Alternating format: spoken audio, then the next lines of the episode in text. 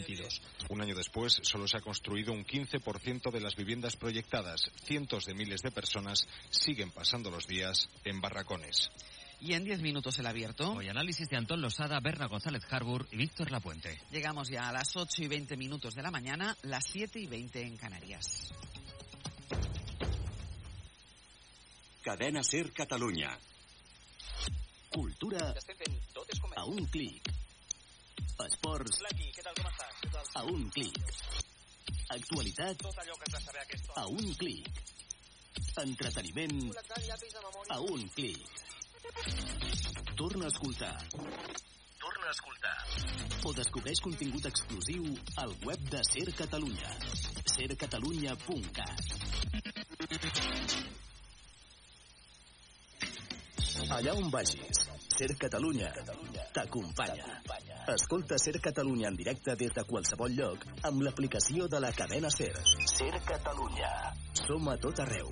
Som al teu costat. Descarrega't l'app de la SER i busca Ser Catalunya.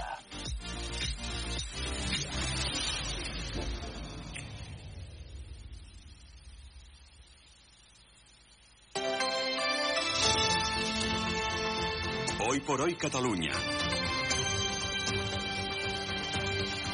Sergi López. Bon dia. Avui tindrem la vista posada en més d'un escenari. Per una banda, estarem molt pendents de la reunió entre el govern i la Generalitat per parlar del pla per portar aigua en vaixells des de València, si les pluges no comencen a canviar la greu situació de sequera que patim en aquests moments. També mirarem cap a la Fiscalia, perquè ja són dos els fiscals que consideren que Carles Puigdemont no ha de ser imputat per terrorisme, com pretén el jutge García Castellón. Ara el fiscal del Tribunal Suprem se suma al de l'Audiència Nacional, també conservador, i també en desacord amb la idea que el cas Tsunami sigui terrorisme. I encara un altre tema destacat aquest dilluns, els Premis Gaudí, que van tenir en creatura, amb fins a sis nominacions, la gran protagonista de la nit. Ara ampliem aquestes notícies, abans anem amb la informació serveis. Quin temps se'ns espera per avui, Jordi Carbó? Temps assolellat i un cop més amb poc fred. Sí que en fa ara. Tenim a la ciutat de Reus 10 graus, 7 a Figueres, 4 a Cervera, 2 a Manresa. Les màximes pujaran menys que ahir, però no es notarà. Ambient suau, al voltant dels 20 graus. Tan sols al Pla de Lleida i l'Altiplà de la Sagarra, així com a llocs propers on la boira persistirà, ambient fred tot el dia. Demà més núvols, sense més conseqüències, baixaran les temperatures a la tarda, haurem d'esperar finals de setmana perquè la pluja guanyi protagonisme. De moment no està clar si en grans quantitats a tot Catalunya. Anem ara al RAC. Com està el trànsit? Alex Huguet, bon dia. Molt bon dia, matí amb força incidències. Ja s'ha obert tota la via a l'A2 entre Sant Feliu i Sant Vicenç dels Horts, però encara hi queda molta congestió des de Pallejà cap a Barcelona i afecta la B23 fins a l'enllaç amb l'A2 des del tram del Papiol i Molins i fins i tot l'AP7 des de Sant Cugat. A la mateixa A2 només hi ha un carril obert a Brera per un altre accident en sentit est i 4 quilòmetres de cues i dues incidències més. A la C58, molt a prop del nus de la Trinitat, en sentit sud, amb un carril tallat i 5 quilòmetres de congestió, i a la C25 s'ha incendiat un vehicle al tram de Gurb que de moment fa tallar la calçada en direcció a Lleida i retencions habituals en altres vies com a la C32 des de Sant Boi amb 3 quilòmetres en sentit Barcelona o pel Vallès a la Roca, Parets i Santa Perpètua en sentit Tarragona i a les rondes amb moltes cues sobretot en sentit sud amb trams de fins a 8 quilòmetres tant des del nus de la Trinitat a la B20 com des de Sant Adrià a la Litoral. És tot des del RAC. Bon dia. Bon dia i gràcies, Àlex. Ja veieu, molta prudència i molta paciència al volant aquest dilluns 5 de febrer del 2024.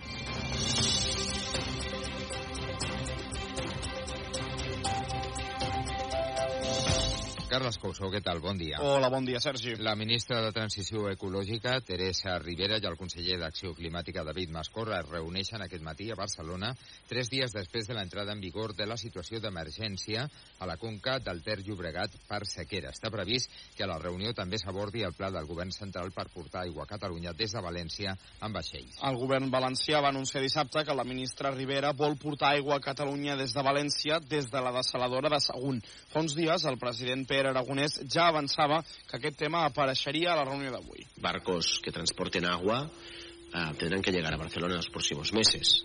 No pueden venir de las cuencas internas de Cataluña. Por lo tanto, también va a ser objeto de, de debate, objeto de acuerdo el próximo lunes L'altre gran tema sobre la taula serà el finançament de les desaladores que s'han de construir a la Tordera i al Foix. El Ministeri, de moment, avançarà 220 milions per fer la de la Tordera en concepte de crèdit, però Acció Climàtica encara no ha dit si aprova aquesta fórmula de finançament. I ara anem cap a un nou capítol de les derivades de l'Operació Catalunya. Hoy por hoy Catalunya. El fiscal del Tribunal Suprem, Álvaro Redondo, no considera que hi hagi terrorisme a les protestes de Tsunami Democràtic. Ja és el segon fiscal, també conservador, que contradiu la tesi del jutge García Castellón. L'últim ha estat el fiscal del Tribunal Suprem que rebutja imputar Carles Puigdemont i la resta d'investigats per terrorisme com pretén el jutge García Castellón.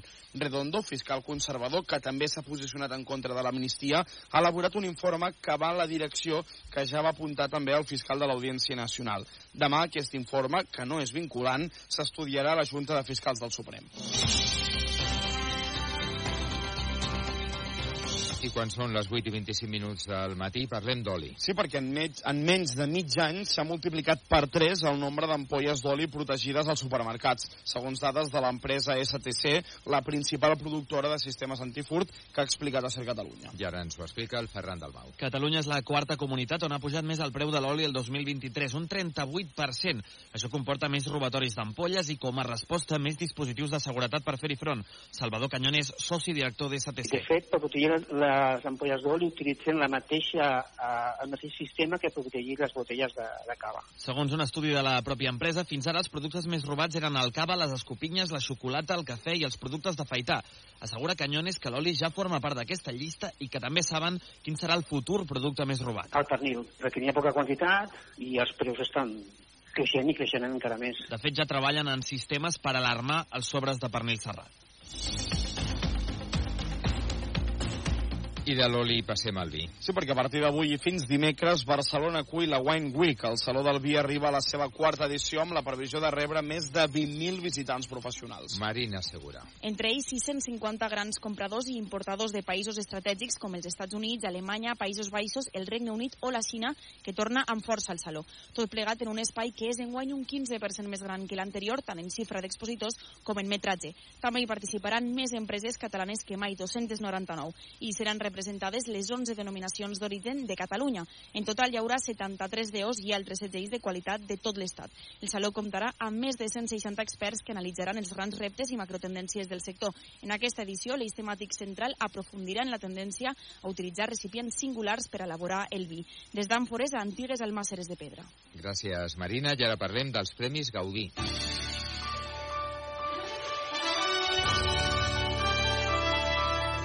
El despertar sexual d'Helena Martina Creatura s'imposa als Premis Gaudí. I el Gaudí és per Clàudia Malagelada per Creatura. Ariadna Ribas per Creatura. El Gaudí a la millor direcció, Helena Martín. I el Gaudí a millor pel·lícula és per Creatura. L'equip Creatura, ho sentíem, eh? ha recollit els principals guardons de la nit, el de millor pel·lícula, direcció, muntatge i premis interpretatius per Clara Segura, Àlex Brendemul i Clàudia Malagelada. Una edició, Carles, molt repartida pel que fa als premis. Llargmetratges com 20.000 espècies d'abelles, Un amor, d'Isabel Coixet i Laura Ferrero, Upon Entry, de Joan Sebastián Vázquez i Alejandro Rojas, La Sociedad de la Nieve, de J. Bayona, Mentre siguis tu, de Clàudia Pinto, o Quico Sabater sense destí, de Sílvia Kerr, també han marxat delegada de l'Acadèmia del Cinema en català amb alguna estatueta sota el braç. Ara anem amb els esports. El Barça masculí redueix distàncies amb el Madrid i el Girona i recupera la tercera plaça de la Lliga, Xavier Saissó. L'empat in extremis de l'Atlètic de Madrid al Bernabéu apreta una mica més la Lliga. Ara el Madrid és líder amb dos punts d'avantatge sobre el Girona, 8 sobre el Barça i 10 sobre l'Atlètic de Madrid.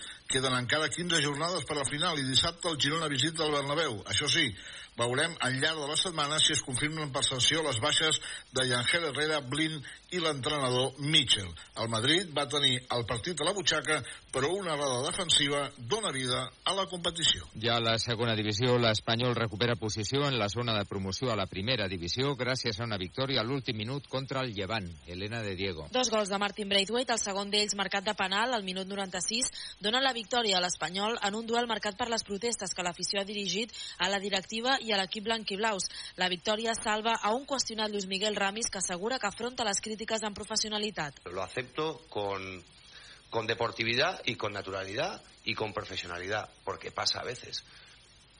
¿Qué busco? Mi reto cuál es? Cambiarlo. L'Espanyol ara és quart a la classificació a un punt de l'ascens directe. I, Carles, qui continua infranquejable és el Barça femení. Sí, com de costum. Eh? Nova victòria a la Lliga, aquesta contra l'Sporting de Huelva per 4-0. Ja van 15 triomfs en 15 partits. I el Llevant Les Planes va empatar 1-1 al camp del Tenerife. Doncs amb el repàs a la informació esportiva hem arribat a dos quarts de nou. Que comenceu molt bé la setmana.